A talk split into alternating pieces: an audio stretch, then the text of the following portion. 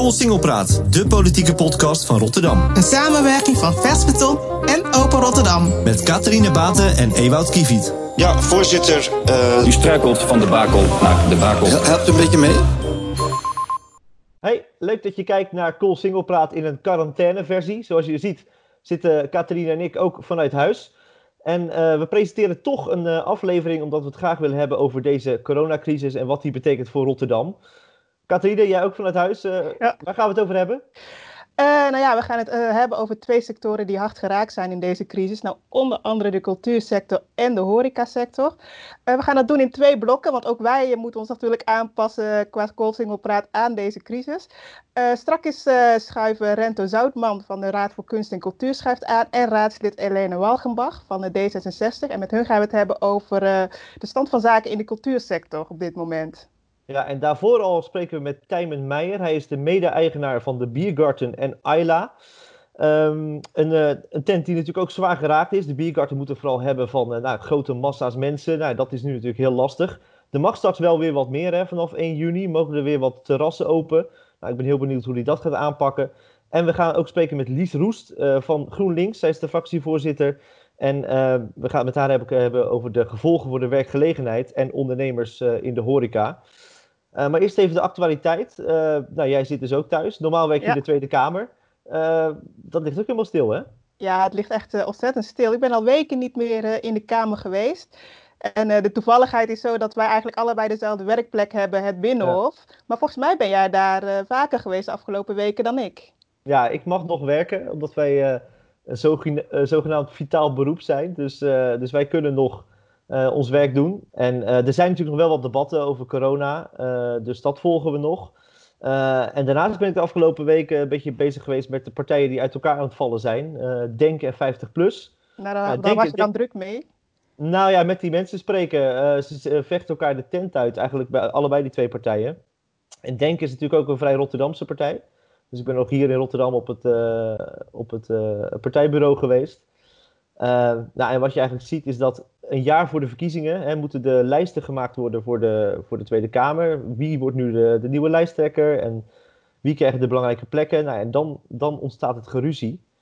Uh, maar die twee partijen die vallen wel eens een beetje uit elkaar nu, ja. Gaat Denk dat overleven?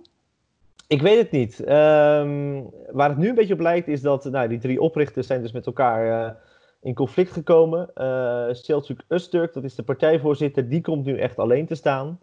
Uh, dus de verwachting is wel dat hij misschien uh, nou ja, binnenkort uh, de politiek of het toneel verlaat. En dat dan Tunan Kuzu, die we ook nog uit Rotterdam kennen, en Farid Assekan, dat die proberen de scherf bij elkaar te rapen. Maar ja, het is natuurlijk, geruzie is nooit goed. Dus dat, dat, nee, en Van Baal heeft natuurlijk nog wel gereageerd.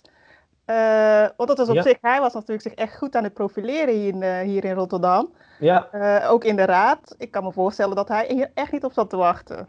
Nee, klopt. Nee, die, die lokale fracties, die hebben natuurlijk wel last van. Want die, nou ja, die werken wat meer samen misschien dan, dan landelijk. Hè. Landelijk is, is denk ik toch soms een beetje een paria in de Tweede Kamer. Maar lokaal doen ze het best wel goed. Maar toch, die hele onrust en dat geruzie, dat straalt ook op hun af. En ja. trouwens, wat me ook opviel, uh, dat uh, de burgemeester Abu Talib heeft zich de afgelopen week ontzettend... Uh, hij was veel in de media te zien. Hij heeft echt op het ja. gebied van coronamaatregelen... heeft hij wel echt een... hij heeft een strakke, harde lijn, trekt hij daarin. Was jij dat ook ja. opgevallen? Ja, hij is heel zichtbaar en hij is inderdaad echt van die harde lijn. Ik, ik herinner me dat een paar weken geleden, toen de discussie was... van er gaan te veel mensen nog de straat op, te weinig mensen blijven thuis. Moeten er sancties komen, boetes? Nou, die zijn er uiteindelijk natuurlijk gekomen. Als je met meer dan twee mensen op straat loopt, dan kun je een boete krijgen. Uh, en een flinke boete ook. En daar, daar is Abu Talib wel uh, ja, een flinke stem in geweest. Hij en uh, burgemeester Utrecht van Zanen, die hebben daar echt nou ja, flink druk op uitgeoefend dat dat harder moest.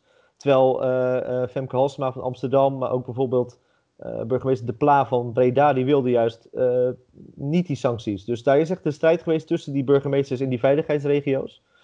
En Abu Talib is van de harde lijn.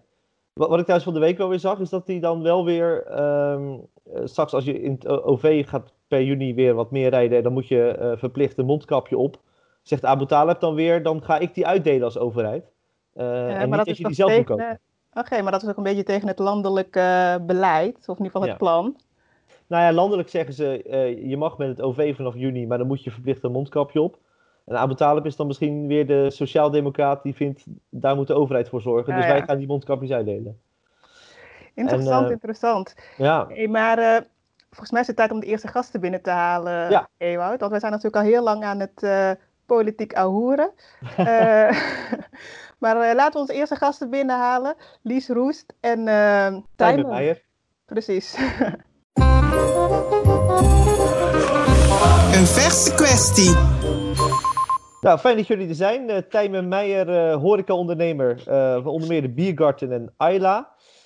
En Lies Roest van GroenLinks, raadslid en fractievoorzitter. Tijmen, jij hebt natuurlijk een enorm hectische tijd op dit moment. de Biergarten kennen we vooral van Ja. als plek met grote evenementen, voetbalwedstrijden, waar veel mensen bij elkaar eten en drinken. Um, Klopt. Dat gaat nu allemaal niet door. Nee, nee, nee, ja, de, de crisis die begon echt uh, een week voordat we onze geheime opening hadden gepland. Zoals we elk jaar doen, een geheime opening. Nou ja, die, we, maar we zijn het hele jaar nog niet open geweest. En dat terwijl we dus dit jaar uh, ja, echt een hele, hele gave zomer voor ons zagen. Want we hadden natuurlijk het, het EK voetbal, maar we hadden ook um, het Songfestival. De Grand Prix wilden we gaan uitzenden en de bekerfinale natuurlijk ook nog. Dat was, Met Feyenoord erin. Ja, precies. Het was, het was echt uh, meer evenementen dan dit jaar hadden we echt nog nooit, uh, nog nooit gedaan. Dus we hadden echt heel veel zin in. Ja. Maar ja, dat, uh, ja, al die evenementen zijn er vorig, volgend jaar doorgeschoven. Maar ja, dat is natuurlijk maar de vraag wat ermee gaat gebeuren.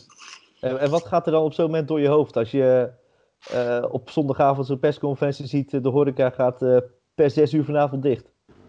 Ja, ja ik, uh, ik heb mijn jas aangetrokken en ik ben naar Ayla gereisd om uh, die mensen daar een hart onder de riem te steken. Ik had echt serieus 10 minuten de tijd om daar te komen, om nog in een zaak te komen die open was. Het is natuurlijk echt, ja, het was heel erg in de eerste instantie heel erg, ja, een soort werktuigelijk meer. Gewoon de boel, de boel sluiten, alles schoonmaken en dat soort dingen. Maar ja, de dagen daarna dan, dan slaat het een beetje in. Van ja, we zijn dicht, we kunnen niks, we hebben geen omzet, we hebben nog wel heel veel kosten. Nee, alle koelkasten liggen vol. Nou, dat is wel even, dat is wel even heftig. Ja, want Want even- Tijmen, wat betekent dit precies voor het personeel? Ehm, nou, je, je hebt natuurlijk, de overheid heeft steunmaatregelen afgekondigd. En de belangrijkste daarvan is die NOW-maatregel. Dat is dus dat, ehm, dat, dat wij, of de, de ondernemers krijgen 90% van de, van de loonkosten vergoed. Ehm, onder voorwaarde dat je iedereen in dienst houdt en volledig blijft uitbetalen. Dus in, de, in theorie is dat natuurlijk een fantastische regeling. Ehm, in de praktijk werkt die niet heel lekker, want de overheid heeft een. ik moet er niet te diep op ingaan misschien hoor, maar de, de berekening die is zo gemaakt dat het eigenlijk niet op 90% uitkomt, maar voor de meeste horecazaken rond de, rond de 75% en voor sommigen zelfs nog slechter. En voor elke eh horecazaak is dat wel anders. Dus dat is Dus je betaalt nog een kwart zelf. ja, ja, ja. En, ehm, ja, en dat scheelt heel erg hoor. En kijk, voor Biergard is het natuurlijk heel gek, want daar zijn we helemaal niet open geweest dit jaar. Eh, in hebben- zijn we bijvoorbeeld twee weken open geweest nog. Eh, en dat, ja, twee weken van drie maanden is, dat is, ja, toch heb je een, een, ja, een veel minder grote omzetdaling dan, dan dat er rekening mee gehouden is. Eh, dus die 90%, ja, die krijg je niet. Ehm, maar ja, dat, het is een van de maatregelen. En als die, als die goed uitgevoerd zou worden, dan zou dat wel heel, eh, heel erg helpen.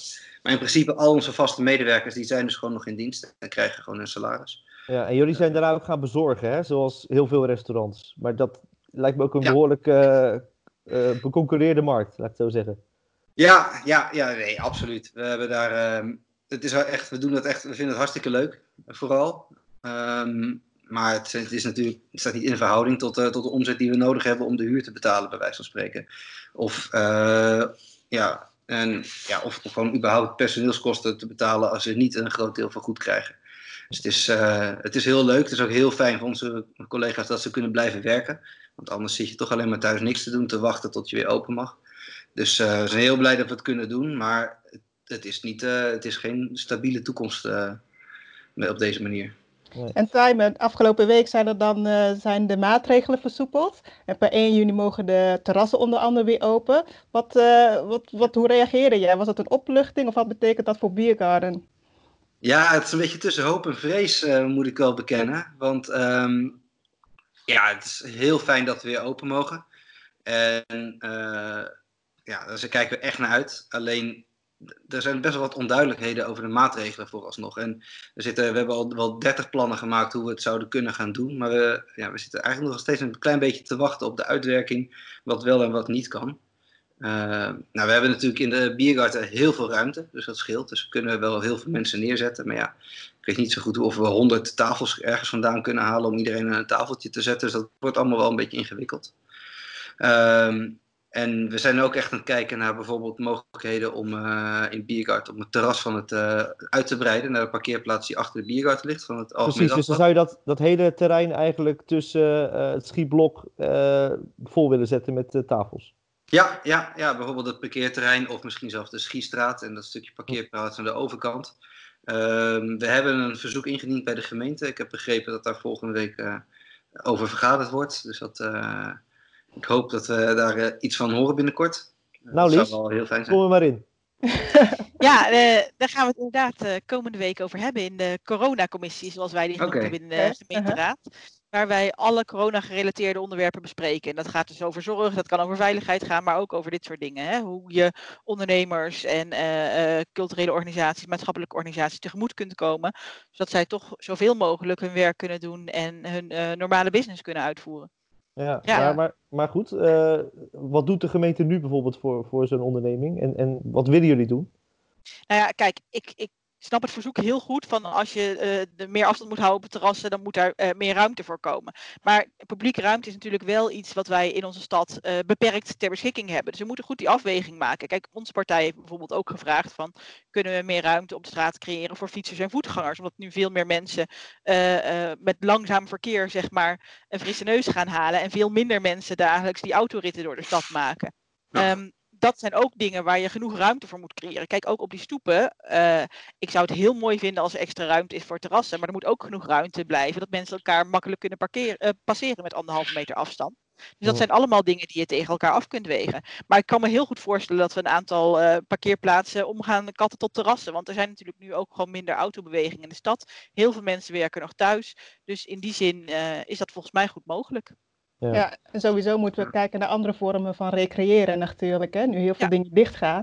En in een anderhalve meter samenleving, nou ja, we, we hebben toch de behoefte om samen te zijn en uh, samen te recreëren.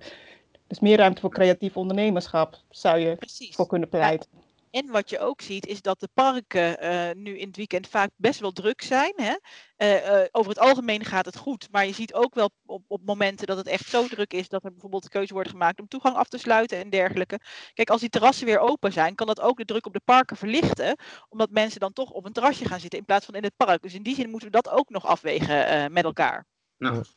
Maar, maar even heel concreet voor, jou, voor jouw tijd, hoe lang hou jij dit vol op deze manier? Want normaal, zo'n bierkart als die vol is, dan, dan lopen daar misschien wel 100 mensen of meer. Uh, nu zou je daar misschien uh, een fractie van kunnen bedienen. Ja. Vanaf 1 juni, dus dat is nog een mm -hmm. maand. Uh, ja. Hoe lang houden jullie dit vol? Ja, eerlijk gezegd, als het nog even duurt, houden we het nog wel vol. Maar het ligt er veel meer aan um, wat er daarna gaat gebeuren. Want kijk, we, ik, ja, heel eerlijk, we hebben wel leningen moeten afsluiten om deze periode door te komen. die leningen moeten we ook een keer gaan terugbetalen. En we zitten nu al te kijken, hoe gaan we dat doen? Dus het is een beetje moeilijk om te zeggen. Kijk, als wij over, over twee maanden volledig open mogen, dan, is het, dan, dan, dan houden we het wel vol. Als wij twee jaar lang op halve kracht mogen draaien, dan weet ik niet of het verstandig was geweest om deze lening aan te gaan in de eerste überhaupt. Dus het is heel moeilijk om te zeggen. Um, maar ja, de, de huidige regels die gaan er wel voor zorgen dat we de komende maanden nog echt flinke verliezen gaan maken, ook al zijn we open. En ja, kijk, wij, wij, willen dat wel gaan doen. Ik bedoel, uh, we hebben ook gewoon een verantwoordelijkheid naar onze, uh, ja, naar de gasten, maar ook naar onze collega's die, uh, die ook van moeten werken. En ik bedoel, ik vind het ook heel belangrijk dat zij uiteindelijk een huur kunnen betalen. Nou ja, dan moeten we daar ook wel gewoon werk tegenover kunnen stellen. Dus we gaan het wel doen, maar ja, het gaat wel ingewikkeld worden. Ja. En wat verwacht jij in deze van de gemeente? Ehm ja, de gemeente heeft natuurlijk best wel een aantal verschillende rollen hierin. Uh, sowieso bij, uh, bij Biergard is de gemeente onze huurbaas. Uh, dus dan zouden we heel graag met de gemeente in overleg willen om um, ja, vrijstelling of, of, of huurverlaging, in ieder geval voor de periode dat wij ook geen omzet kunnen draaien. In de, in Biergard is het nog eens extra eng voor ons, omdat we natuurlijk een, op een tijdelijk contract zitten. Want de, de herontwikkeling Er van nieuwe eh, plannen. Ja. want het schikaderblok, dat, eh, dat, dat gaat gewoon door. Eh, nou ja, dat zeggen ze al heel lang. Maar ja, dat, het ziet er nu echt wel naar uit dat het echt gaat gebeuren. Dus ehm, ja, we, we, we verwachten wel dat volgend jaar misschien wel het laatste seizoen Biergarten is. Eh, dus de periode waarin we dit verlies kunnen terugverdienen wordt ook steeds kleiner. Eh, dus vandaar dat het echt heel relevant is om goed te kijken naar die huren in die periode. Ehm, maar ook, ja, we zitten, maken ons ook wel zorgen bijvoorbeeld als we weer open mogen, eh, hoe we dat gaan doen met dingen als, als crowd control bijvoorbeeld. Stel je voor dat we 100 ta- tafeltjes hebben en er staan 500 gasten voor de deur. Ja, een beveiliger die mag ook niet binnen anderhalve meter komen om iemand tegen te houden. Nee. Ehm, hoe gaan we dat doen? Dus dat is een hele, we hebben altijd een hele goede samenwerking gehad met de horeca stewards. Ik denk dat dat vanuit de gemeente georganiseerd is altijd.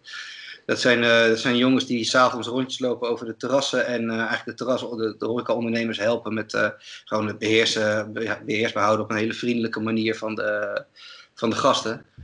Ehm, ja, ik weet niet of dat soort, in, eh, dat soort eh, voorzieningen ook weer eh, kunnen zijn die op een hele andere manier ingericht gaan moeten worden. Ehm, ja, en dus die verruiming van de terrassen uiteindelijk. Zowel bij Ayla als Biergarten. Ehm, eh, dat zijn toch wel de dingen, denk ik, waar we echt om zitten te springen. Ja. Er zijn natuurlijk heel veel eh horecatenten de afgelopen tien jaar zeg maar, bijgekomen, Lies. Het is toch een vrij jonge stad eigenlijk op dat eh, Rotterdam. Hè? Dus veel, nieuwe tenten met misschien weinig vet op de botten. Ehm, er gaan al verhalen rond dat één op de drie horeca-ondernemers misschien niet redt. Ehm, hoe ver wil de gemeente daarvoor gaan om die, eh, om die overeind te houden?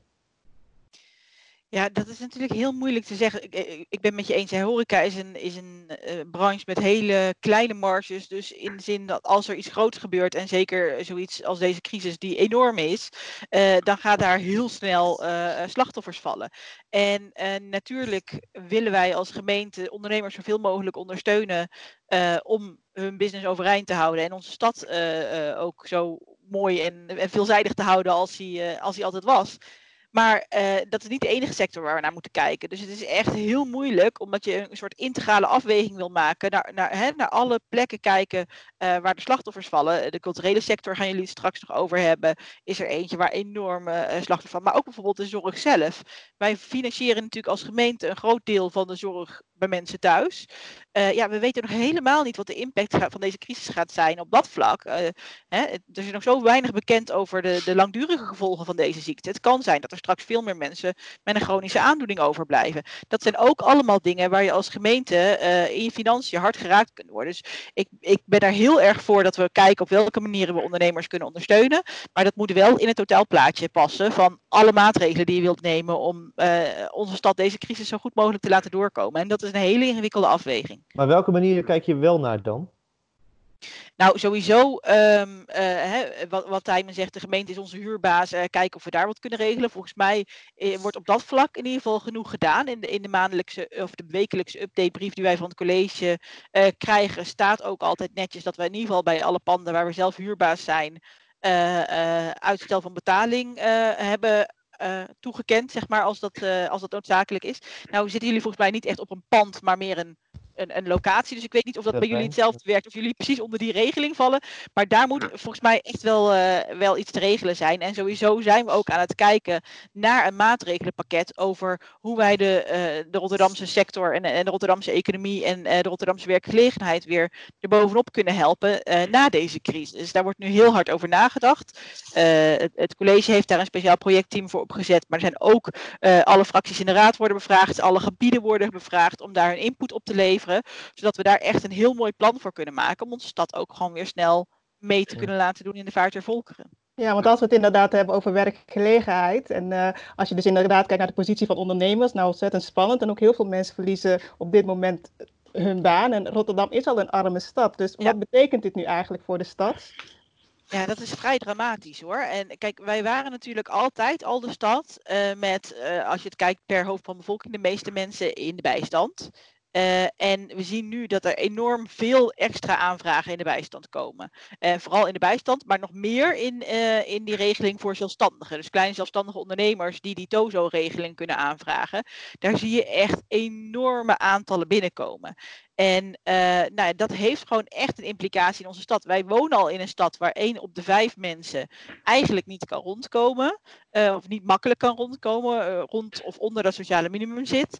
Ja, dat zijn al enorme aantallen. En als je door deze crisis daar nog een versnelling in krijgt, dan heb je het echt over een gigantisch probleem. Daar verwachten we ook echt dat de Rijksoverheid iets gaat doen om daar bij te dragen. want er wordt nu wel heel makkelijk gezegd van nou ja, alle extra uitgaven die je doet voor de coronacrisis, daar staan wij voor garant. Maar als gemeente heb je natuurlijk ook veel extra inkomsten. Als die niet worden, of die je nu mist, als die niet worden gecompenseerd, moeten we straks alsnog flink gaan bezuinigen. En dat kan niet in een stad waar die problematiek zo groot is. Maar tegelijkertijd dat dat een bepaalde plan in de prullenbak moet uh, niet door kunnen gaan, tijdelijk op onhold moet uh, worden gezet? Nou, het, is nu eigenlijk nog te vroeg om, om, om dat te bepalen, omdat we nog niet goed weten wat de impact is van de crisis op onze plannen. Dat, dat wordt nu ook geïnventariseerd hè, door, door het college. Die zijn aan het kijken van wat zijn de, de, de de, plannen die nu uh, uh, nou ja, extra hulp nodig hebben, wat zijn de plannen die nu echt niet door kunnen gaan? Uh, om een heel makkelijk voorbeeld te noemen, is de target om het een aantal bijstandsgerechtigden onder de 30.000 te krijgen in Rotterdam. Ja, dat gaat nu wel heel moeilijk worden, omdat je ziet dat de, de instroom meer dan verdubbeld is. Dus daar snapt iedereen van dat dat heel lastig wordt. Hè? Kijk, als, het, als de crisis, als er over een half jaar een vaccin is en die economie gaat weer helemaal aandraaien, er is er een kleine kans dat we het alsnog gaan halen, maar ik reken daar niet op. Um, maar voor die andere plannen is het echt nog te vroeg om dat te zeggen. En er zijn ook een aantal targets die we onszelf hebben gezet, die juist nu extra belangrijk zijn geworden. Hè? Het, aantal mensen uh, in Rotterdam met schulden is door deze crisis alleen maar aan het toenemen. Dus de, de, hè, de doelstelling om min, minimaal 15.000 uh, personen of gezinnen met schulden uh, te helpen, nou, die vind ik twee keer zo relevant geworden door deze crisis. Juist omdat je ziet dat zoveel mensen extra in de financiële problemen komen. En ook dus er komen juist meer schuldhulptrajecten. Ja, precies. Dus daar, daar moet je, wat mij betreft, juist extra in investeren. In plaats van zeggen van, nou ja, weet je, die target gooien we de lucht, uh, de raam uit, want corona. Dus, dus je moet daar ook gewoon slim mee omgaan. Um, Tegelijkertijd denk ik wel dat we op het gebied van werkgelegenheid eigenlijk al op een goede weg zaten. Namelijk uh, het sluiten van leerwerkakkoorden met zowel ondernemers als uh, scholen als de gemeente. Om te kijken of je daar slimme verbindingen kunt zeggen. Dat je tegen die ondernemers kunt zeggen, joh, jij zoekt tien lassers. Ik heb hier mensen die hebben nog niet dat diploma. Zijn wel gemotiveerd om aan de slag te gaan. die kunnen morgen bij jou beginnen. En dan gaat deze school gaat ze uh, begeleiden en zorgen dat ze hun lastdiploma halen. En uh, jij moet dan beloven dat je dan ook daadwerkelijk in dienst neemt daarna. Nou ja, dat soort verbindingen, volgens mij moeten we daar heel erg op gaan inzetten. Om, is dat ook een manier om, om de crisis uit te komen? Want, en, als, het, ja, als we het over die werkgelegenheid hebben, wat, wat, wat betekent dit voor jouw personeel, uh, Tijmen? Moet jij al mensen ontslaan? Of, of ben je daar mee bezig om te kijken van we gaan met een kleine team verder straks? Um, nou ja, we hebben, ja, de horeca heeft altijd best een grote flexibele schil natuurlijk. Uh, dus we hebben een, de helft van ons personeel is echt in, op, in vaste dienst. Okay. Um, en in Biergaard is dat nog minder, omdat we natuurlijk een seizoenszaak zijn. Dus we hebben de, de vaste kern is wel echt in, in, heeft wel vaste uren, maar de rest uh, die komen iedere keer gewoon voor, uh, voor zes tot acht maanden bij ons werken. Um, de mensen die, die we nu hebben. nu thuis. Die, die flexibele schil zit nu thuis. Ja, ja, ja. En een deel daarvan wordt, uh, wordt doorbetaald, maar een deel ook niet. En dat is, uh, dat, dat is het dan weer ook weer. We werken voor een deel met payrollbedrijf. En die, uh, die zijn daar verantwoordelijk voor. Um, dat is best een hele ingewikkelde constructie. Dus dat, dat, dat, dat is ook weer ingewikkeld met die hele NOW. Die is daar niet helemaal voor gemaakt. Maar, um, maar ja, dus, maar die mensen zitten inderdaad wel thuis. En de mensen die wel wel op vaste contracten zitten bij ons. Um, ik voorzie wel dat wij die allemaal nodig gaan hebben in de nieuwe, in de nieuwe, in die nieuwe vorm die we gaan vinden. Ik kan niet garanderen dat iedereen uh, uh, precies dat werk kan gaan doen waar ze voor begonnen zijn bij ons. Uh, mensen zullen veel flexibeler moeten zijn, zowel barman als in service staan, dat soort dingen. Mensen moeten echt breder gaan werken. We hebben natuurlijk het geluk dat we twee zaken hebben Ayla en Biergaard. Uh, mensen die, uh, we zijn nu ook al kijken of we bijvoorbeeld de, keu de keukenteams samen kunnen voegen, dat we drukte op die manier kunnen opvangen. en zodat we in ieder geval iedereen aan het werk kunnen houden. En ik denk zelfs dat we ook nog wel wat extra mensen nodig gaan hebben buiten dat vaste team dat we nu hebben. Maar, ja, maar, zeg, dat... maar zeg, eigenlijk ook dat, dat sommige van die mensen die die nu bijvoorbeeld in de bediening werken, flexibele schil, gaan maar iets anders doen dan horeca. Want het is, het is niet meer zo'n aantrekkelijk uh, beroep de komende jaren misschien? Ja, nou ja, ik, dat weet ik niet zo heel goed. Want we hadden wel echt, goed we hadden wel echt een heel, heel fijn team bij elkaar eh, weten te, om, om ons heen weten te verzamelen. En die zou ik echt helemaal niet kwijt willen. Dus als ik dat te hard tegen ze zeg, dan gaan ze straks weg. Hm. Maar het feit is natuurlijk wel dat ik niet kan beloven dat wij de komende jaren gewoon werk hebben. Ehm, dus het is hartstikke leuk dat we misschien 1 juni open mogen of twee weken later of, of wat dan ook. Maar voor hetzelfde geld ehm, worden, die, ehm, ja, worden de, de maatregelen weer, weer aangescherpt. En het allerduurst van deze crisis, heb ik inmiddels geleerd, is het sluiten en weer open gaan. Want dan heb je al je voorraad weggooien. Eh, mensen zijn ingeroosterd en dus die uren moet je gewoon gaan betalen terwijl je geen omzet meer hebt. Dus dat zijn de allerduurste weken. Dus als er nog twee of drie keer van dat zo'n eh, zo'n eh, lockdown aankomt, ja, dan, dan weet ik het niet. Dus ja, ik ga extreem voorzichtig zijn. En al die dingen waar wij ons heel hard voor hebben voorgenomen om nooit te doen, namelijk, eh, of tenminste nooit te doen, om, om, om zo min mogelijk te doen met flexibele mensen werken en zo. Ja, dat gaat wel noodzakelijk worden, ben ik bang. Of, of er moet eh, een goed alternatief komen. Want eh, bijvoorbeeld Koninklijke Horeca Nederland, onze brancheorganisatie, die heeft ehm, ook een nieuw noodpakket voorgesteld bij de Rijksoverheid. En daar zit ook bijvoorbeeld ehm, een, een voorstel in om de WW uit te breiden, zodat we, dat, dat we wel flexibeler om kunnen gaan met mensen en dat overige uren in een soort ouderwetse deeltijd-WW zouden worden opgevangen. Eh, dat zou een hele mooie manier zijn om eh, ja, voor ons om zoveel mogelijk werk te bieden, zonder dat we eh, vervolgens de toekomst van het bedrijf eh, en al onze andere collega's op het spel zetten. Zou jij daarvoor zijn, Lies? Eh, ja, het is natuurlijk een landelijke regeling, dus ik ga er in principe niet over. Maar het klinkt Ja. wel als een. eh, ik heb me er ook niet in verdiept, dus ik zeg dit nu over de top of my head. Het klinkt wel als een oplossing die mogelijk eh, ruimte kan bieden voor heel veel ondernemers om toch weer dat aan het slag te gaan en, en langzaam weer, eh, weer op te starten. Ehm, ik wil nog één ding zeggen over wat, wat Tijmen net zei. Want hij zei van ja, een, een deel eh, zit in de flexibele schil en daarvan hebben we ook niet iedereen kunnen doorbetalen. En dat zien we nu wel. Dat is een van de grote groepen slachtoffers die eigenlijk nog een beetje buiten beeld is in de, in de noodmaatregelen. Dat zijn die jongeren en die studenten Ja. die tijdelijke baantjes hebben, vaak in de horeca, in die eh, eh, evenementen, toeristensector, in de culturele sector. Die nu allemaal zijn weggevallen. En waar voor de, hè, de flexibele schilde oproepkrachten, de seizoensarbeiders, eigenlijk nog geen regeling is om ze daarin te ondersteunen. En dat is wel een groep die heel kwetsbaar is nu voor financiële problemen. Dat is namelijk ook de groep die geen buffers heeft. Hè. Die hebben niet eh, zes maanden salaris op een spaarrekening staan om even de crisis door te komen. Eh, zoals mensen met een vaste baan en een koophuis en eh, hun zaakjes goed voor elkaar. Dus dat is wel een groep die nu heel kwetsbaar is. En wij zien ook in ons Rotterdamse bijstandsbestand dat er disproportioneel veel jongeren nu instromen. En voor jongeren is de Ja. bijstand ook nog strenger dan eh, voor nou, gewone mensen. Eh, eh, omdat eigenlijk tot de 27 eh, je nou ja, van oudsher minder kans had op bijstand. Dat zeiden ze, ja, je moet of naar school of gaan werken. Nou ja, dat zijn nu twee opties die heel lastig zijn. Gelukkig hebben wij in Rotterdam vrij snel besloten om die vier weken wachtperiode. Want eigenlijk moet je eerst nog vier weken in de wacht voor je überhaupt, zeg maar... eh, in, in die procedure mag. En die hebben we al besloten af te schaffen. Dat heeft landelijk nu ook gedaan. Maar dat zijn natuurlijk wel mensen die nog een hele eh, eh, werkende leven voor zich hebben. Dus die moeten we ook echt goed gaan helpen om straks weer snel uit die bijstand te komen en aan de slag te gaan. Gewoon omdat het voor hun het beste is en voor ons het beste is. Ehm, en dan zou het wel helpen als we instrumenten hebben, zoals bijvoorbeeld een deeltijd-WW, waarbij we kunnen zeggen van joh, je kunt weer gaan werken en er is een vangnet op het moment dat er iets misgaat of dat, het, dat er niet genoeg werk is. Want op het moment dat zeker. iemand een bijstandsuitkering ontvangt en die moet een onzekere job gaan doen waarvan die niet weet of hij dan volgende week nog werk heeft, dan, nou ja, dan is de neiging ook sneller om te zeggen van nou, dan blijf ik maar in die bijstand zitten, want dan heb ik zeker inkomen. Dus we moeten ook op een creatieve manier naar dat vangnet gaan kijken. En eh, misschien ook dat bijverdienen naast de bijstand maar wat makkelijker gaan maken. Zodat je ook mensen nog eh, gedeeltelijk in de bijstand kunt houden als die deeltijd-WW niet mogelijk is. En wel weer aan het werk kunt helpen. Ja. Dat- Ja, weet je, wat je ook zegt is ook wel, het is natuurlijk ook echt een landelijk probleem. Eh, ehm, want ja, Ewout, je vroeg net ook van, ja, wat verwacht je van de gemeente? Ja, ik snap ook wel dat de gemeente niet eh, garant kan staan voor alle, niet alleen horecabedrijven, maar alle midden- en kleinbedrijven die, die zwaar lijden onder deze crisis. Het, is echt, eh, echt, het moet echt vanuit het Rijk komen. En er moet gewoon een soort duidelijkheid komen vanuit het Rijk. Eh, vooral. Die is er nu niet, wat jou betreft.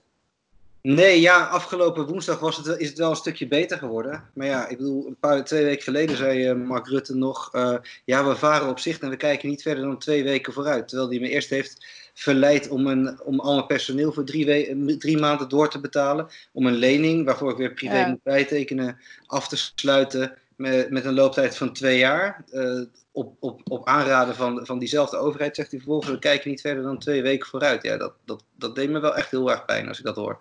Ik vind, ja, wie, dat, dat kan toch niet? Nou, ja. Afsluitend, voordat we verder gaan eh, over de cultuursector. eh, even gaan Lies Roest. Een derde van de Rotterdamse horeca, als die dicht zou moeten, is dat acceptabel? Ik zeg nu nee, maar ik heb niet het totaalplaatje van alle eh, pijn die wij lijden als gemeente en wat we daaraan kunnen doen. Dus ja, dat is wel nee onder voorbehoud. Oké, nou dankjewel voor jullie, eh voor jullie Dankjewel. komst. Tijmen, Dankjewel. eh, veel sterkte ook de komende tijd met weer opstarten Inderdaad. van eh, de horeca. En eh, Lies zien we natuurlijk weer eh, in de debatten eh, op de Single of, of via, de, via de Skype. Die Voorlopig nog eh, digitaal, ja. Ja, oké. Dan gaan wij zo verder over de cultuursector. Een verse kwestie. We gaan het nu hebben over de impact van de coronacrisis op de cultuursector. Want die is natuurlijk enorm. Wat betekent deze crisis voor Rotterdam? En wat betekent dat voor het cultuurplanadvies dat binnenkort gepresenteerd gaat worden? Ja, we gaan het hierover hebben met Helene Walgebach. Zij is raadslid eh, voor D66. En houdt zich ook bezig met eh, cultuur en festivals. En Rento Zoutman. Eh, hij is directeur van de Rotterdamse Raad voor Kunst en Cultuur. Welkom allebei. Eh, ja, die impact is enorm, toch? eh, op, de, op de cultuursector. Bijvoorbeeld, als je moet gaan kijken naar welke, eh, welke gezelschappen blijven overeind. Hoe zien jullie dat voor je? Ja, de impact die is enorm. Er is nu ook net een inventarisatie gedaan hè, door het college in Rotterdam. Wat die impact precies is. Nou, 21 miljoen en nu aan, eh, eh, aan gemiste inkomsten. Nou, dat is best wel wat. En ehm, ja, er moet echt wel wat gebeuren. Willen al die culturele instellingen dat ook eh, overleven?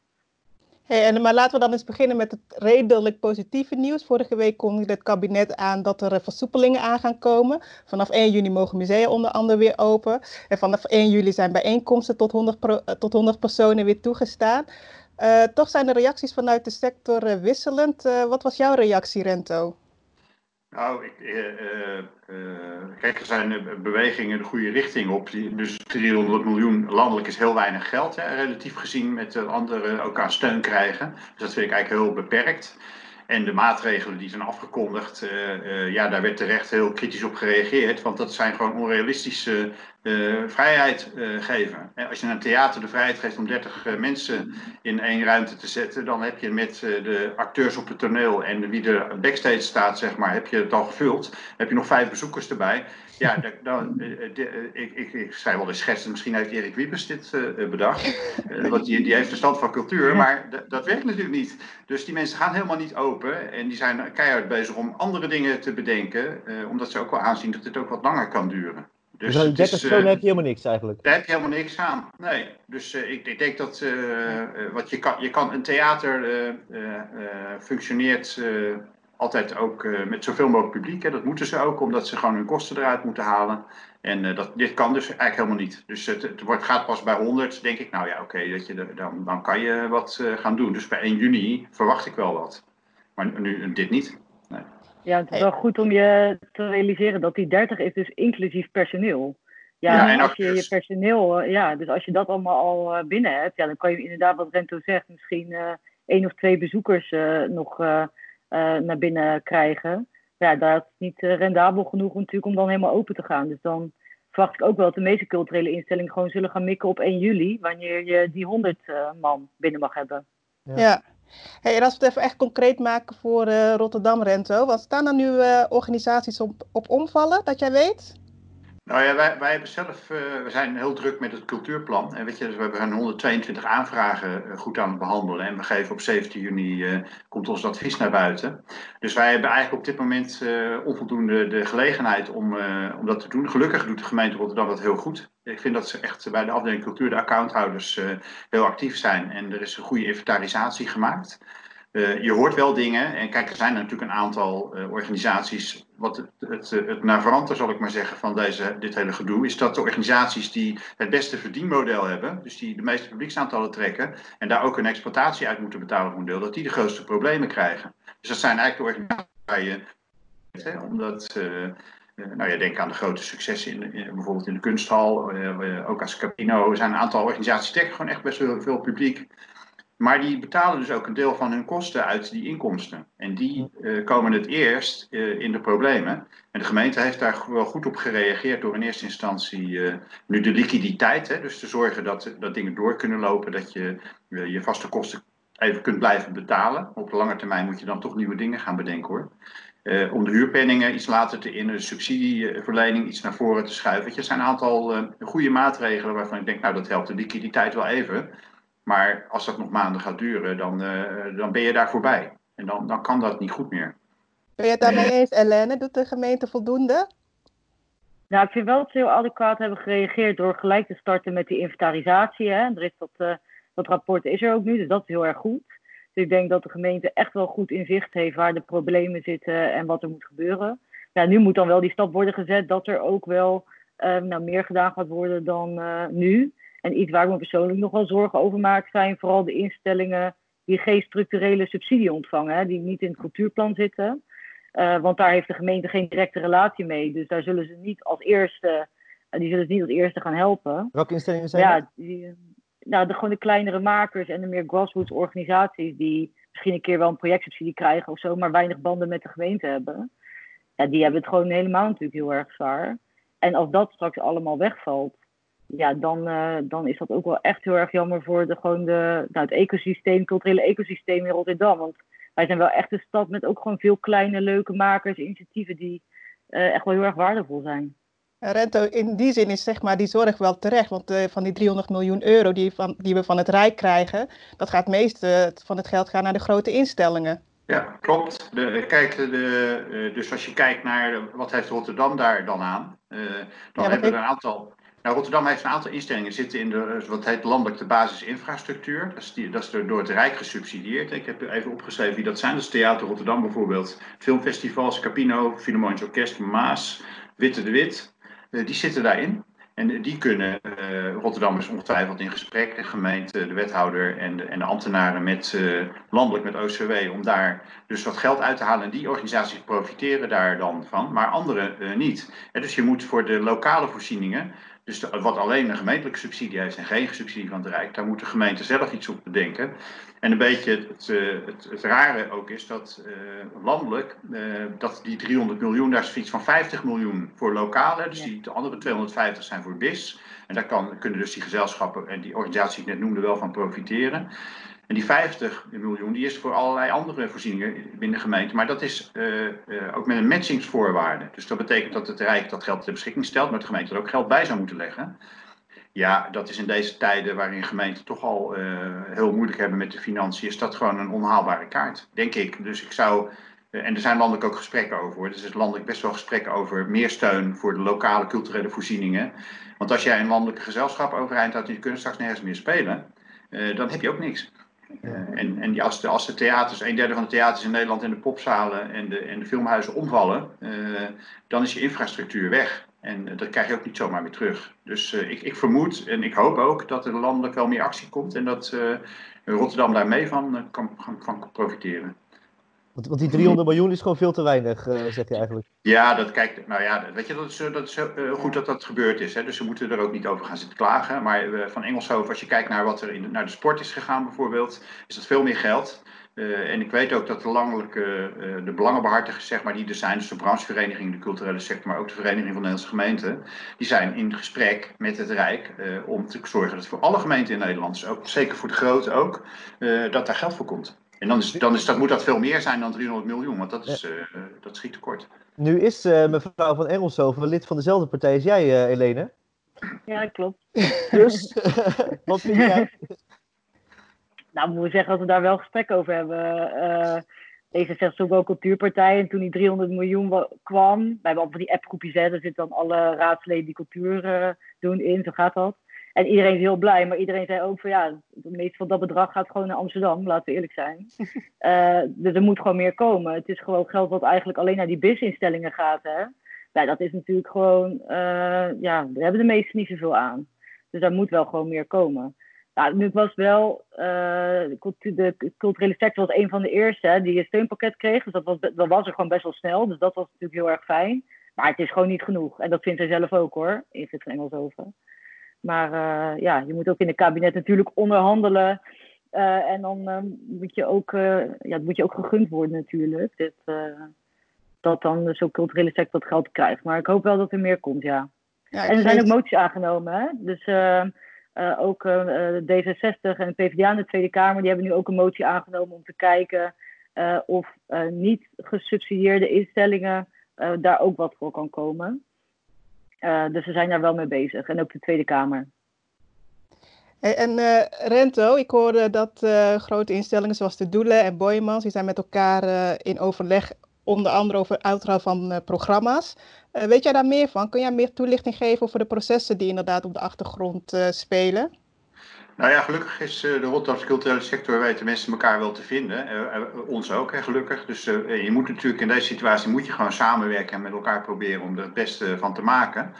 En wat ik hoor is dat er is een directeurenoverleg van de Rotterdamse culturele instellingen, cultuurplaninstellingen, die overleggen met elkaar om, om, om elkaar te steunen. Uh, en om ook van elkaars faciliteiten gebruik te maken waar dat kan. En om ook kennis te delen. Dus dat lijkt een heel positieve ontwikkeling waar wij van hebben gezegd, daar dragen wij graag aan bij. dus uh, hoe, hoe, dan precies moeten we zien, maar dat gaat de komende tijd gebeuren. En we hebben natuurlijk, de culturele sector is een creatieve sector. Dus je, moet, je kunt hier wel heel erg alleen de negatieve kanten van zien. Die zijn natuurlijk ook overheersend. Maar tegelijkertijd biedt het ook nieuwe mogelijkheden. Ik, zie, ik heb nog nooit zoveel digitale initiatieven gezien als de laatste tijd. De webinars die vliegen je om de oren. Uh, weet je wat, denk ja, dat kan je allemaal ook relativeren hoor. Uh, maar ik, ik uh, denk van ja, dat, er zijn een aantal mensen ook wel wakker geworden. Hè, van, oh, we kunnen het ook op een andere manier doen.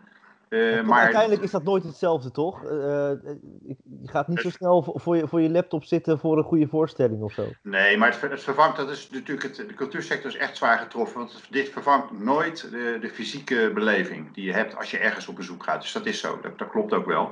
Maar tegelijkertijd geeft het wel nieuwe mogelijkheden en die moet je ook niet uitvlakken, denk ik.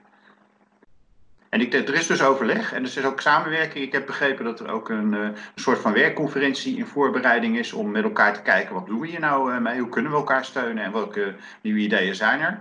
Dus die sector is best wel actief, dat moeten ze ook. Hè, want ze moeten gewoon zelf ook uh, met ideeën hierover komen. En dit vraagt ook op de langere termijn. Kijk, wij zijn vanuit de Raad uh, met dat cultuurplanadvies bezig. Dat is gebaseerd op 122 aanvragen die voor de coronaperikelen binnenkwamen. Ja. Maar dat geeft wel een heel goed beeld waar de initiatieven in Rotterdam zitten. Weet je wel, dat geeft ook een blik op de lange termijn. geeft ook een aantal ontwikkelingen aan. En nou, dat advies dat gaat straks landen in een hele moeilijke periode waarin je beslissingen moet nemen. Uh, en, die moet je, uh, en terwijl die corona-impact uh, voor heel deel nog niet duidelijk is. Hè? Dus hoe gaat het met de openstelling van voorzieningen? Kun je straks naar het theater en gewoon weer naast iemand gaan zitten? Kan, of kan dat niet? En wanneer kan dat dan? Hoe gaat ja, het met festivals? dat is helemaal, dat, helemaal een probleem natuurlijk. Ja, want dat cultuurplanadvies is natuurlijk in zover al opgesteld. maar vanwege de crisis. Heeft het nog eh, invloed gehad op, de, op enige uitkomsten? Of is het gewoon van het cultuurplanadvies is op deze manier opgesteld en dat gaat niet meer veranderen?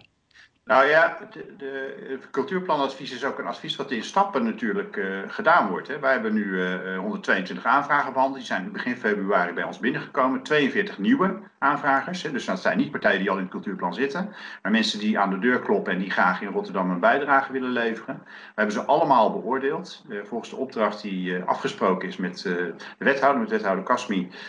volgens de methode die wij daarvoor hebben. En dat gaan we ook uitleggen en vertellen. En dat geeft eigenlijk ook een heel goed kader om als je straks moet nadenken, ja, hoe gaan we dat geld dan verdelen? Want dat komt erna. Dus straks in september, dus in de zomerperiode, laat de wethouder werken aan een verdeelvoorstel. Dat komt in de gemeenteraad en daar gaat Elena en de andere uh, mensen gaan erover praten. En dat is het moment waarop uh, je gaat, gaat kijken van hoe moeten we dat dan doen? En weten we dan al meer van die corona-impact? En dus dan gebruik je dat advies om je beeld aan te scherpen en te kijken. Want het zou dus heel jammer zijn als je deze crisis uh, uh, zo laat overheersen dat je niet meer naar de toekomst van de komende jaren kijkt. Dus maar uiteindelijk, uiteindelijk is het toch onmogelijk om nu een beslissing te nemen over de komende vier jaar. Als er ook misschien instellingen gaan omvallen. Uh, je, je weet het gewoon nog niet. Nou ja, je weet, de gemeente inventariseert. Dus ja, maar misschien wil Elena Ja. iets zeggen erover. Ja, de gemeente inventariseert het ook. Maar ik denk wel echt dat het belangrijk is dat we gewoon eh, de plannen door laten gaan. Instellingen die hebben een heel plan geschreven, zitten te wachten op geld. Het loopt gelijk met eh, de landelijke eh, cultuurplanperiode. En er zijn ook inderdaad, wat Rento zegt, zijn 42 nieuwe aanvragers. Ja, als die, die zitten ook op dat geld te wachten om natuurlijk dingen te kunnen gaan doen en juist te kunnen blijven voortbestaan. Dus ik Dus je, denk bent dat het het, eh, eh, je gaat niet mee in het idee van jouw collega Co Engbergs van de Partij van de Arbeid om het cultuurplan een jaar te verschuiven. Nou, ik vraag me echt af eigenlijk hoe, eh, waarom die daarvoor is. Wat het voordeel daarvan is. Ik weet dat directeurenoverleg is daar niet voor. En ik ben ook benieuwd hoe Rento daar naar kijkt. Want al dat voorwerk is al gedaan. Instellingen zijn hartstikke lang bezig geweest om zo'n plan te schrijven. Ze zitten vaak nu financieel knel. En zoeken ook hè, dat, wat, wat, wel, wat kunnen ze wel en niet. Welke ruimte hebben ze. Nou, dat zit allemaal in zo'n cultuurplan. Ja, ik vraag me echt af wat je oplost door het een jaar uit te stellen. Nou ja, je zou kunnen zeggen dat, eh, je zou kunnen zeggen dat bepaalde doelstellingen die geformuleerd zijn, bijvoorbeeld met betrekking tot publieksbereik, die zijn allemaal opgesteld voor corona. En omdat, aangezien we niet weten hoe, hoe de toekomst eruit gaat zien, zou je kunnen afvragen of die doelstellingen dan nog wel realistisch zijn.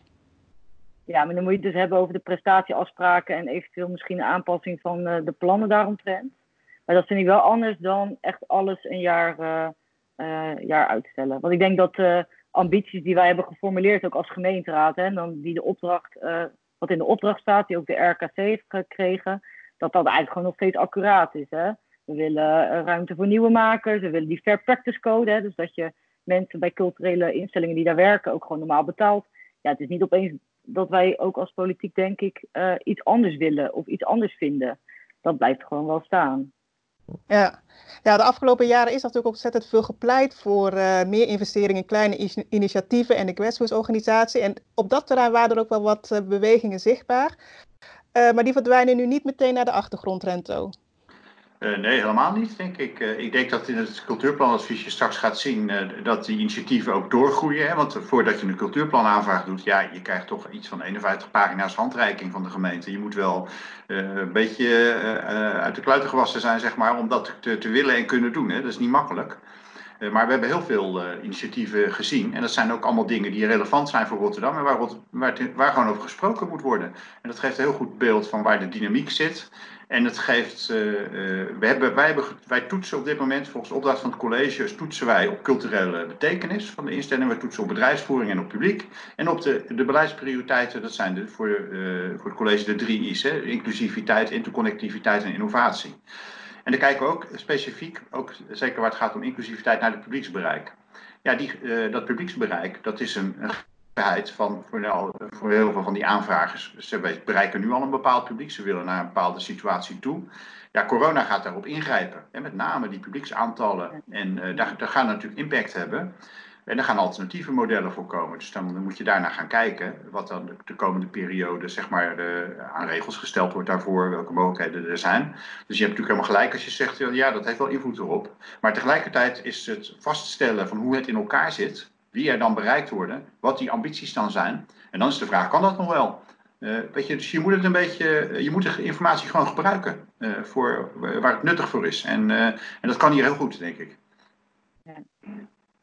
Als we, als we even een beetje out of the box denken over die, die voorstellen per 1 juni, hè? dan wordt er gezegd, er mogen eerst 30 mensen, later 100 een theater in. Uh, zou je niet bijvoorbeeld, net zoals in het OV, verplicht een mondkapje en dan wel de zaal in? Hoe, hoe, kijken jullie daarnaar? Ik heb er echt totaal geen verstand van. Dus volgens mij moeten, ja, volgens mij moeten gewoon mensen die daar wel verstand van hebben. Uh, maar het is, onmogelijk, het is onmogelijk om. Uh, nou, we hebben net al gezegd, die 30 mensen is onmogelijk. Ja. 100 is het waarschijnlijk nog niet rendabel om een, om een voorstelling te spelen. Of dan moet je die vier keer achter elkaar gaan spelen. Maar dat, dat, dat uh, kost ook heel veel geld aan acteurs en, uh, en dergelijke. Is er iets creatiefs te bedenken waardoor dit kan? Ik denk, ja, ik denk dat... het wel. Oh, ja. Ja. Nee, sorry, ga je, ga je van alleen. Nou, ik- ik denk dat er in de sector, dat zie je nu ook, dat er zoveel creativiteit is. En eh, nou, de cultuursector is ook zo veerkrachtig. Hè. Kijk hoe zij om zijn gegaan voor, met die bezuinigingen in, eh, na 2012. Nou, ik denk dat eh, je gewoon ook als gemeente moet zeggen, kom met ideeën, kom voor eh openluchtconcerten in het uh, Vroezenpark. Of weet je, kom met ideeën en wij gaan je als gemeente gewoon helpen. Want ik denk wel, kijk, we gaan gewoon naar een anderhalve meter samenleving toe helaas. Ja, en dat is dan ook de werkelijkheid waar de culturele sector uh, ja, ja, het ook mee moet doen. Dus dan hoop ik vooral dat, uh, dat de gemeente en de sector ook de handen in één kan slaan. En dat de gemeente de sector ondersteunt. En uh, ook niet te moeilijk doet over regeltjes en beperkingen en dat soort dingen. maar vooral gewoon mogelijkheden ondersteunt. Ja. En wat gaat het eigenlijk betekenen? We hebben het nu heel erg over de cultuursector, maar wat betekent het eigenlijk voor de festivalscene van Rotterdam? Die ligt nu wel een paar een tijd op zijn gat. Ja, ik denk dat het is heel triest voor de festivals. Uh, omdat die eigenlijk het zwaarst, doordat het massale evenementen zijn, het zwaarst getroffen zijn. En dus er werken landelijk gezien iets van 300.000 mensen in die festivalsector, die vooral hun boterham verdienen in het, uh, in het seizoen nu. Ja, die zitten allemaal thuis. en de, de vraag is welke toekomst grootschalige festivals zullen hebben in de komende jaar. Ja, dus ik denk dat mensen al een beetje bang zijn dat, dat als die beperkende regels van kracht blijven, dat die massaliteit gewoon niet kan. Um, en je ziet in andere sectoren die ook commercieel bezig zijn. Ik las in een, een, artikel in de krant over de pretparken, zeg maar, die er nu zijn, die ook grote groepen mensen ontvangen, die allemaal logistieke regels bedenken om dat wel te kunnen doen. Dus, maar dan meer, uh, ja, dan moet je toch met de looplijnen en met hoe, gaan, hoe bewegen mensen zich, moet je dingen af gaan spreken. Dat kan natuurlijk bij festivals ook wel, maar in, niet, niet meer in het oude beeld. Hè. Dus je moet eigenlijk opnieuw gaan kijken, hoe kunnen we dat dan doen?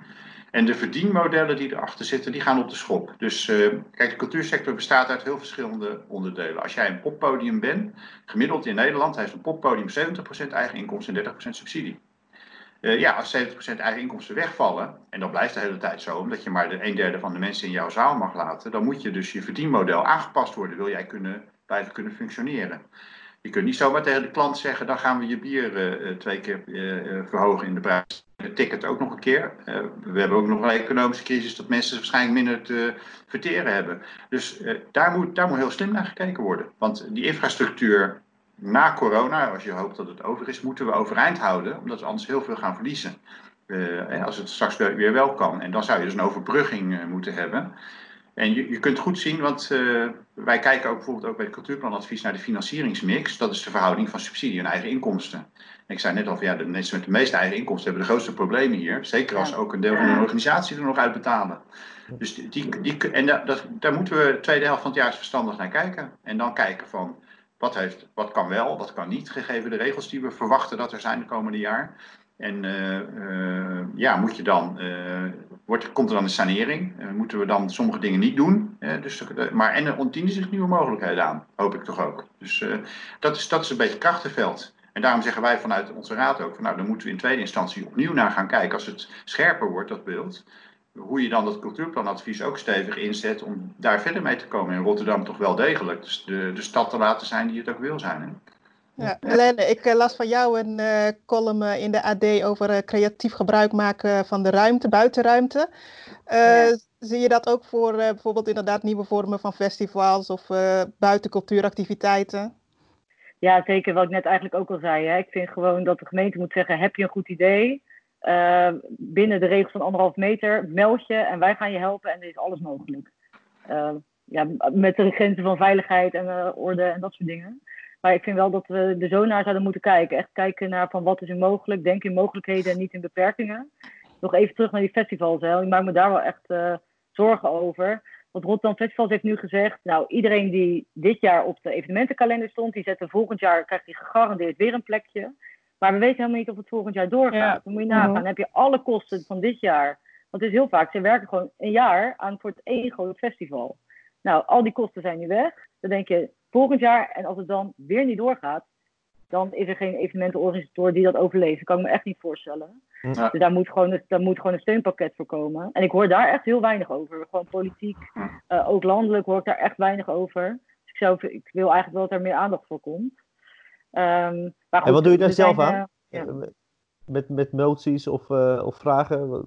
Wat, wat is jouw actie tot nu toe op dit terrein? nou, bellen. Dus ik bel best wel veel met uh, evenementenorganisatorren. Ook uh, met horeca-ondernemers in de cultuursector, wat allemaal portefeuille zit. Gewoon om te horen wat er, uh, wat er speelt en hoe slecht het ervoor staat. Ik heb schriftelijke vragen gesteld over de evenementensector. En ik ben nu ook ja, landelijk aan het kijken of daar eventueel een steunpakket kan komen. Um, maar kijk, in het begin wisten we natuurlijk ook helemaal niet hoe lang dit zou duren. Hè. We dachten van nou misschien vier, vijf weken en dan weer terug naar normaal.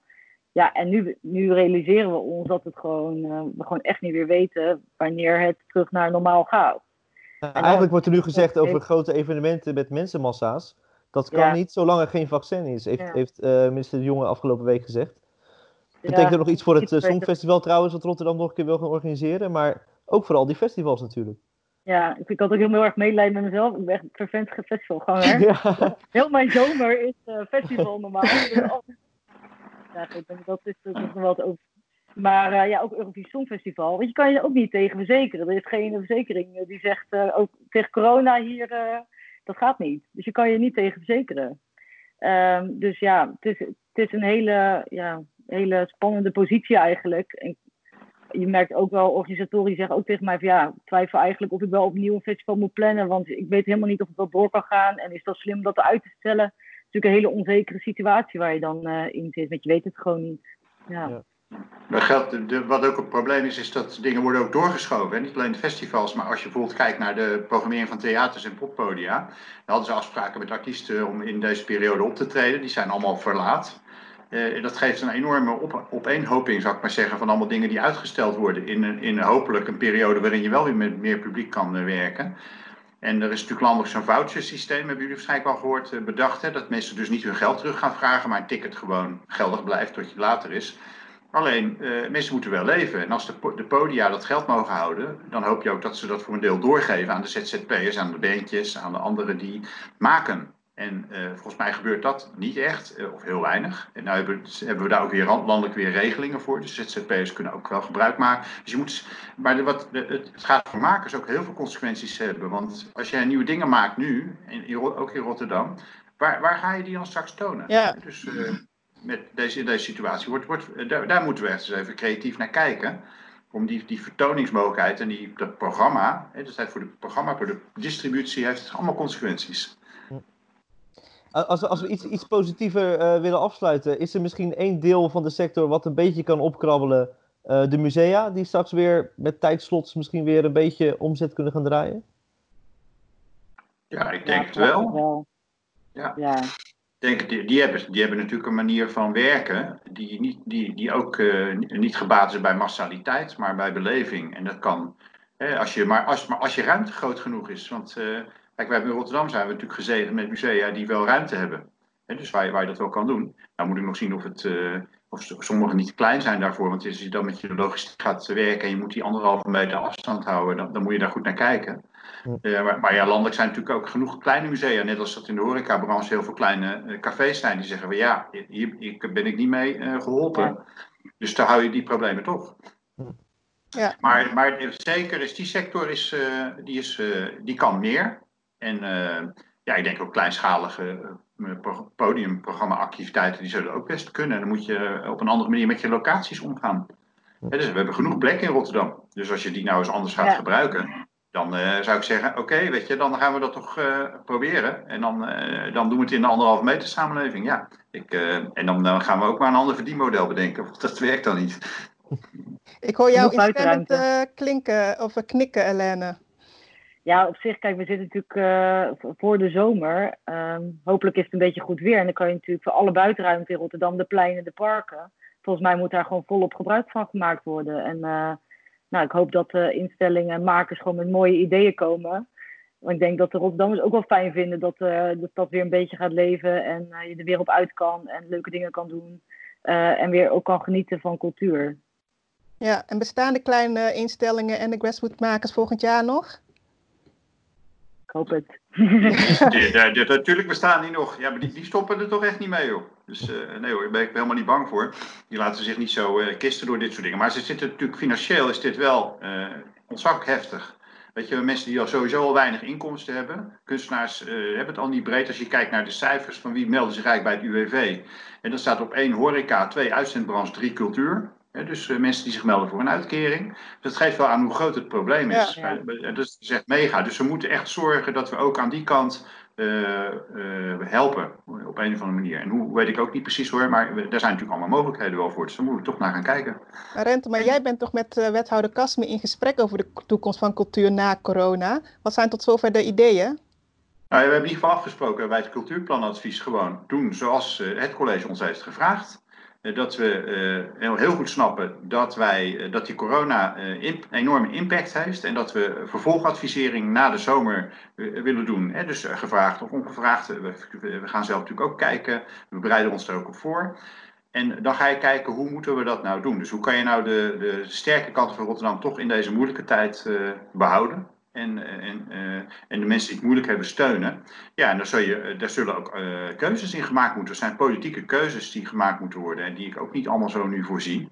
En dat is natuurlijk moeilijk. Dus wij snappen dat de politici er ook mee worstelen. En wij zijn dan om te adviseren en te helpen. Dus de, de, de afspraak met wethouder Kasmi is dat we dat ook doen.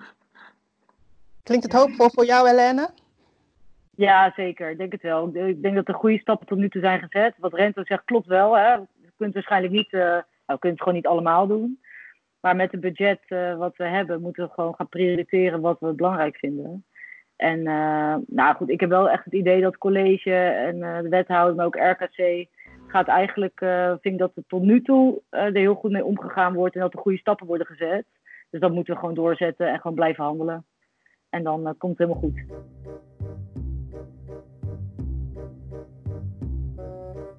Bedankt eh, dat je keek. Eh, dit was eh Cool Single Praat. Wil je meer horen vooral, want we hebben vooral veel podcasts gemaakt. kijk dan op Vers Beton bij Cool Single Praat.